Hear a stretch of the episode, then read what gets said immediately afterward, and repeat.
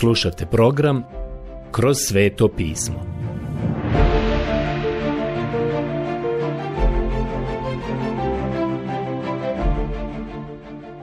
Knjiga Poslanica Efežanima Odlomak Poslanica Efežanima Poglavlje 1 od 17. do 23. stiha Danas se vraćamo Pavlovoj molitvi.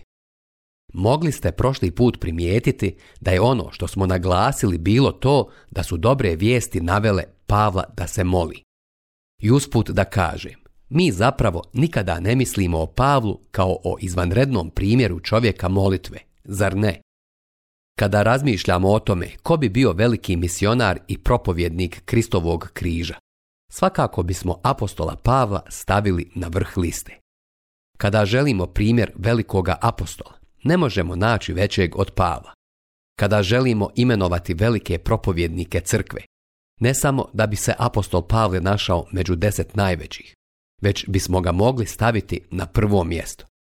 Pavle je bio jedan od najvećih učitelja. Gospod Isus je bio najveći. Rečeno je da nikada niko nije poučavao kao što je poučavao taj čovjek. Pogledajte evanđelje po Ivanu 7.46. Apostol Pavle je sigurno slijedio tu tradiciju. On je primjer i dobrog pastira, kao što možemo vidjeti u Efezu. Doktor Luka je zapisao kako je apostol Pavle plakao za tamošnjim vjernicima i kako su ga oni voljeli. Crku uvijek procjenjujem po tome koliko vole svog pastora, a posebno svog bivšeg pastora. To vam nešto govori o ljudima u crkvi, pogotovo ako se pastor zalagao za riječ Božju, mi danas trebamo naučiti da sudimo ljudima prema njihovom stvarnom stavu, prema riječi Božjoj, a ne prema tome koliko je velika Biblija koju stavljaju pod ruku. Kada razmišljate o bilo kome ko se ističe u bilo kojem području službe u ranoj crkvi, apostol Pavle mora biti na samom vrhu. Ali koga biste imenovali kao velikog čovjeka molitve? Da li biste stavili Pavla na taj popis? je zastupnik i zagovornik u molitvi na vrhu planine. On je bio veliki čovjek molitve. Mi ga smatramo takvim. Svakako je to bio i David, koji je otišao pred Boga u teškim okolnostima zbog svog užasnog grijeha i ispovjedio se. Ilija je također bio veliki čovjek molitve jer je stajao sam pred žrtvenikom koji je bio natopljen vodom na planini Karmel. Zatim tu je i Daniel koji je također bio čovjek molitve jer je otvarao svoj prozor prema Jerusalemu i molio se na očigled svojih neprijatelja. Gospod Isus je svakako prekrasan primjer kako se treba moliti, jer su mu apostoli prišli i rekli, gospodine, nauči nas moliti. Evanđelje po Luki 11.1 Ali znate šta? I apostol Pavle je bio veliki čovjek molitve. Kada sam predavao Bibliju u institutu ovdje u Južnoj Kaliforniji, u centru Los Angelesa, imao sam mnogo studenata i kada bismo došli do Pavlovih poslanica, napravili bismo popis onoga za šta se molio apostol Pavle. Svaki put bismo vidjeli da je Pavle govorio da se moli za nekoga. I gle, gle, dolazio mi je student za studentom i govorio. Nisam znao da Pavle ima tako veliku listu za molitu. Nisam znao da se molio za toliko ljudi. Pavle jeste bio veliki čovjek molitve. Evo i sada imamo primjer za to. Zapravo, ovdje se nalaze dvije Pavlove molitve. Prvo imamo jednu molitu, nakon što nam je predstavljeno da je crkva tijelo Kristovo. To je potaknula apostola Pavla da padne na svoja koljena i počne moliti. Kada dođemo do kraja trećeg poglavlja, onda ćemo ponovo naići na još jednu veliku molitvu apostola Pavla. Dvije se nalaze upravo ovdje u poslanici Efežanima. Usput da kaže, to je znak da je neko dijete Božje. Jedan od načina na koji možete znati da li je neki čovjek dijete Božije ili nije, jeste ako pogledate kakav je njegov molitveni život. Koliko on osjeća da ovisi o Bogu. Ukoliko osjeća tu ovisnost o Bogu, on ide Bogu i moli se za sebe. I također će ići Bogu u molitvi i moliti se i za druge. Za mene je to prilično dobar pokazatelj. Sjećate se kada je Ananija bio u Damasku da je bio uznemiren kada mu je anđeo rekao da ode do Savla iz Tarza. On je prigovorio na to i rekao je, pa taj čovjek progoni crku. Anđeo mu je na to rekao, on se moli. Dijela apostolska 9.11. To je bio prilično dobar pokazatelj da se nešto dogodilo apostolu Pavlu. U ovoj velikoj molitvi koja se nalazi ovdje, on prije svega zahvaljuje Bogu, a tek onda imamo molbu. Ja to smatram trostrukom molitvom. Neki to smatraju dvostrukom molitvom, ali to nije bitno, jer ovdje je važna stvar da Pavle prije svega kaže – Molim da Bog gospodina našega Isusa Krista, Otac slave, dade vama duha mudrosti i objave, da ga spoznate. Poslanica Efežanima 1.17 Želio bih vam sada skrenuti pažnju na to da ne samo da je imao dobar motiv u molitvi, a to su bile dobre vijesti koje je čuo o Efežanima, već vam želim skrenuti pažnju i na to da se on ne moli za materijalne stvari, već se moli za duhovne blagoslove. Ti su duhovni blagoslovi vrlo važni. Činjenica je da su svi blagoslovi važni. On kaže, ne prestajem zahvaljivati za vas. Efežani su bili na Pavlovom molitvenom spisku. Pretpostavljam da su i sve druge crkve bile. I spominjati se vas u svojim molitvama. To znači da ih je pominjao poimenice.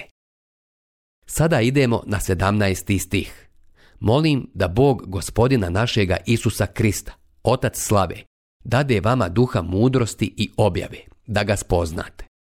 Dakle, nakon što je apostol Pavle ovdje otkrio da je crkva tijelo Kristovo i da ju je Bog Otac isplanirao, da je Bog Sin platio za nju i da je Bog Duh Sveti štiti i čuva, Pavle je shvatio da ovi ljudi to ne bi mogli razumjeti osim ako duh Božji nije tu da im bude učitelj i da im da spoznaju riječi Božje.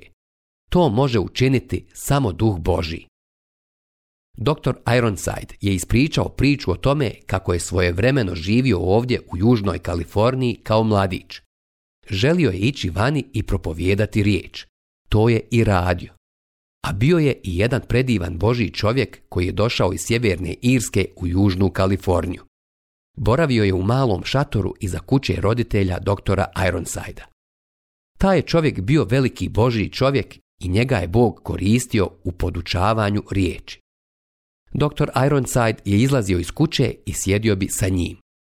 Kada bi mu rastumačio sve to pismo, bilo je to na takav način da je doktor Ironside rekao da nikada ranije nije čuo za tako nešto. Tako ga jednog dana upitao, gdje si to naučio? Ovaj čovjek mu je odgovorio, pa nisam to naučio u teološkoj školi jer je nikada nisam pohađao. I nisam to naučio na teološkom fakultetu, niti me je neko zapravo podučavao. Ali naučio sam te stvari na koljenima, na prašnjavom podu male zemljane kolibe na sjeveru Irske.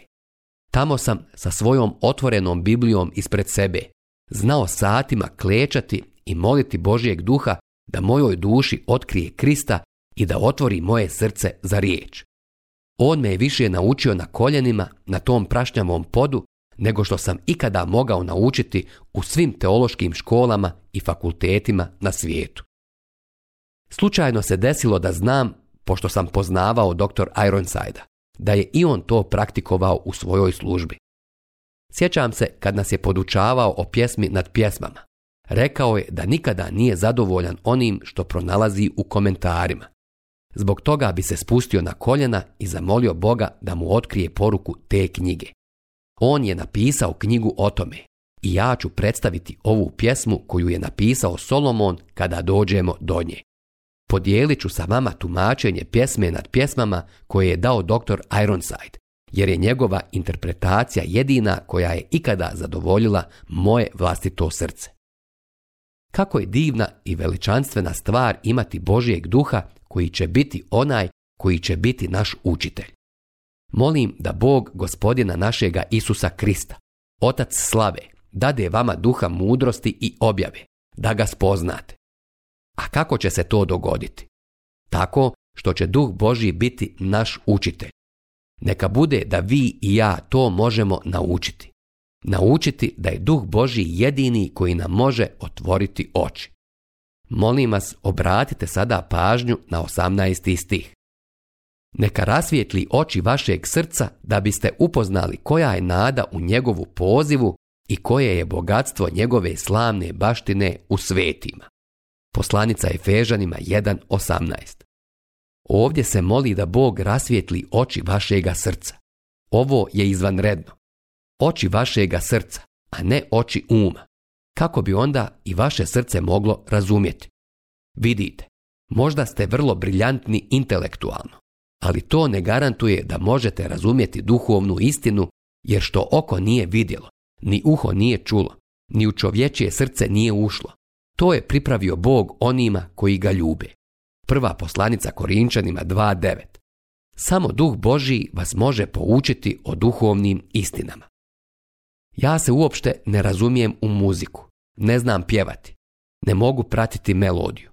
Prepoznajem vrlo malo melodija. Ne znam šta je visina tona. To je za mene špansko selo. Pitao sam jednog muzičara da me pouči tome. Jednom sam čuo kako je jedan muzički urednik javno rekao Ja svakoga mogu naučiti pjevati. Odmah sam ustao i rekao Brate, imaš učenika. Nikome nikada nije uspio naučiti pjevati. Zajednica se nasmijala i sklopili smo dogovor. Ja sam se svakog četvrtka poslje podne sastajao sa njim. I to je trajalo mjesec dana. Na kraju mjeseca je odustao. Rekao je, znaš, vjerujem da si u pravu. Nikada ne bi mogao naučiti muziku. Rekao sam mu, to je istina. Ali da li postoji neki način kako bih ipak mogao naučiti? On mi je odgovorio, jedini način bi bio da se ponovo rodiš. Ono što je mislio jeste da bih se morao roditi kao druga osoba. Dragi moji prijatelji, što se duhovnog znanja tiče, nikoga ne može razumjeti. Što oko nije vidjelo, ni uho nije čulo, ni u čovječje srce nije ušlo. To je pripravio Bog onima koji ga ljubi. A nama je to Bog objavio po duhu. Prva poslanica Korinčanima 1, 9 do 10. Od nas zavisi da li smo voljni da nas duh Božiji pouči. Ispričao sam već mnogo puta o toj dragoj maloj dami tamo gore u Shermanu, u Teksasu. Kako su me, kada sam tamo otišao da propovijedam, zamolili da porazgovaram sa njom. Svi su je zvali baka, bila je u godinama, ali nije znala ni čitati ni pisati. Pokušavao sam joj objasniti 14. poglavlje Evanđelja po Ivanu. Mislio sam uzeti nešto što bi bilo jednostavno za jednu baku, jer na kraju krajeva ona nije znala ni čitati ni pisati. Nije bila pametna kao ja. Bio sam student prve godine teološke škole i tada sam imao odgovor na sve. Ona me je slušala oko pet minuta. Onda mi je rekla, mladiću, jeste li to ikada primijetili? Pa nisam to bio primijetio. Iskreno vam kažem. Nisam mogao shvatiti kako je ona to primijetila. Nije znala ni čitati, ni pisati. Znala je takve stvari o 14. poglavlju Evanđelja po Ivanu koje ja nikada nisam pročitao ni u jednom komentaru i ni jedan učitelj Biblije me tome nije naučio. Znate li kako je to postigla? Oči njenog uma je otvorio duh Božiji. Dragi moji prijatelji, Božji duh nas želi poučavati i jedan od razloga zašto Božji ljudi danas nisu u Božoj riječi jeste to što nisu voljni da ih Božji duh poučava. Moraju slušati nekog jadnog propovjednika poput mene ili moraju ići na neki kućni biblijski kurs.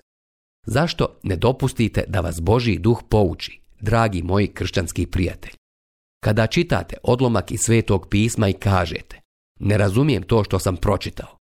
Ima ljudi koji kažu, pročitao sam mnogo puta, ali nikad to nisam vidio u tom odlomku. Pa kada niste ništa dobili iz odlomka koji ste pročitali, to znači da ste došli na neplodno mjesto u vašem čitanju svetog pisma. Ja čak i danas mnogo puta stignem na takvo mjesto. Kada se to dogodi, samo kleknite na koljena ili samo zavapite gospodu i recite mu Gospode, Promašio sam poentu i molim te da me poučiš. I on će vas poučiti. To je prva stvar. A druga stvar jeste to da je bogatstvo njegove slavne baštine u svetima. Naše nasljedstvo nije u njemu, nego je njegovo nasljedstvo u nama. Mislim da bi sada zemlja Kanan bila dobra ilustracija za ovo. Zemlja Kanan je pripadala Bogu i on ju je dao u posjed djeci Izraelovu. Malo pomalo, on će zauzeti ovaj svemir u kojem vi i ja živimo, kroz njegove svete. Mi ćemo vladati zajedno sa njim. Baš to sam se uvijek pitao. Zapravo, to je područje u koje nikada nisam uspio prodrijeti. Ovo je opet jedna od onih stvari koje Božji duh treba učiniti stvarnim za nas. On danas ima nasljedstvo u nama i mi smo vezani za to kao što su djeca Izraelova bila vezana za kanansku zemlju. Jednom ćemo vladati. Zapazite, ovdje se sada nalazi još jedna veoma važna stvar. I koja je obilna veličina njegove sile prema nama koji vjerujemo po djelovanju jake njegove sile. Poslanica Efežanima 1.19. Vjerujte mi, ovdje se govori o velikoj sili, o velikoj moći. Prijatelj, Zaista mislim da je u pitanju velika moć. Dozvolite mi da odvojim malo vremena za ovo i da pogledamo ovu moć o kojoj ovdje govorimo. Sila ili moć je ta koja se u ovom stihu primijeti prije svega, a ja ću vam sada dati svoj prevod, zapravo prevod ovog stiha. I koja je obilna, intenzivna, veličina njegove sile. Ovdje se nalazi grčka riječ dunameos, sila dinamita. Prema nama koji vjerujemo po djelovanju. A to djelovanje je ono što daje snagu. Jake njegove sile. Nju je djelotvorno pokazao u Kristu kada ga uskrisi od mrtvih. Što se dogodilo kada je podigao Isusa iz mrtvih. Poslanica Efežanima 1.19 do 20. Prijatelj, to je moć koja je podigla Krista iz mrtvih. I ne samo to, nego je to i moć Božja koja posadi sebi s desne strane na nebesima. To je moć uznesenja. Mi danas ne govorimo mnogo o uznesenju u našim crkvama. Mislim na nas koji pripadamo biblijskim crkvama. Iz nekog razloga naglašavamo Božić i Uskrs, ali nakon toga kao da sve zaboravimo. Da li ste ikada zastali da razmislite o sili koja je Isusa postavila sa desne strane Bogu? Prijatelji, to je sila, to je moć. Počeli smo pomalo uviđati tu istinu.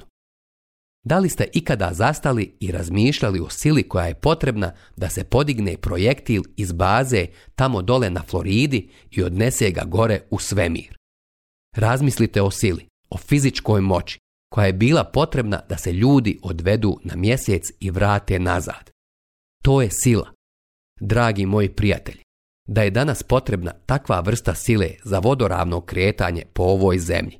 Vidjeli biste Volkswagen kako dolazi autoputem sa jednom od onih velikih cisterni goriva prikačenom iza njega. Trebalo bi toliko sile da bi taj automobil mogao da se kreće. Ogromna sila Božja je podigla Isusa iz mrtvih i vratila ga nazad u život. I podigla ga gore na nebo i posadila ga s desne strane Bogu. Pavle se ne moli samo za Efežane da spoznaju tu silu i moć, već on kaže sljedeće. Da spoznam njega i silu njegova uskrsnuća. Poslanica Filipljanima 3.10. Već da i on sam to iskusi. I koja je obilna veličina njegove sile prema nama koji vjerujemo po djelovanju jake njegove sile. Nju je djelotvorno pokazao u Kristu kada ga uskrisi od mrtvih i posadi sebi s desne strane na nebesima, nad svako poglavarstvo i vlast i silu i gospodstvo i nad svako ime što se naziva ne samo na ovome svijetu nego i u buduće. I sve podloži pod njegove noge. Njega dade za glavu nad svom crkvom, koja je njegovo tijelo, punina onoga koji sve ispunjava u svemu. Poslanica Efežanima 1, 19 do 23. Pavle ovdje na ovaj uzvišen način završava riječima da je crkva tijelo Kristovo i da je Isus glava crkve i da će jednoga dana sve biti pod njim. Jedino što je pod njim u ovom sadašnjem vremenu jeste crkva. Ja vjerujem da je to prava crkva. Danas postoje mnoge organizovane grupe koje ne slušaju gospoda Isusa. Odgovorno ovo tvrdim. To je paralizovana crkva. Vidite, Najtragičnije na ovom svijetu jeste kada vidite nekoga ko vam je drag, a posebno ukoliko je to Božje dijete, kako bespomoćno leži na krevetu jer je mozak odvojen od tijela. Bio sam i u mnogim crkvama koje su takve, gdje je zapravo crkva odvojena od svoje glave. Danas ima mnogo kršćana, pojedinaca koji su odvojeni od glave. Dragi moji prijatelj, Isus je glava tijela i on kaže ako me ljubite, držite moje zapovjedi. Pogledajte evanđelje po Ivanu 14.15. Drugim riječima, kada god sam mrdao ovim svojim malim prstom, što upravo i sada radim ovdje u studiju, mrda malim prstom. Znate li kako? Moja glava je zadužena za to i ja vam kažem, kada on želi da se vi mrdate ovdje dole, vi ćete se mrdati ili u protivnom niste povezani sa njim kako je samo to važno u ovim danima u kojima mi živimo. Doista, kao što je jedno tijelo, ali ima mnogo udova, a svi udovi tijela, premda su mnogi, jedno su tijelo, tako i Krist. Jer jednim duhom mi smo svi kršteni u jedno tijelo, bilo židovi, bilo grci, robovi ili slobodni, i svi smo jednim duhom napojeni. Prva poslanica Korinčanima 12, 12 do 13. On je glava tijela.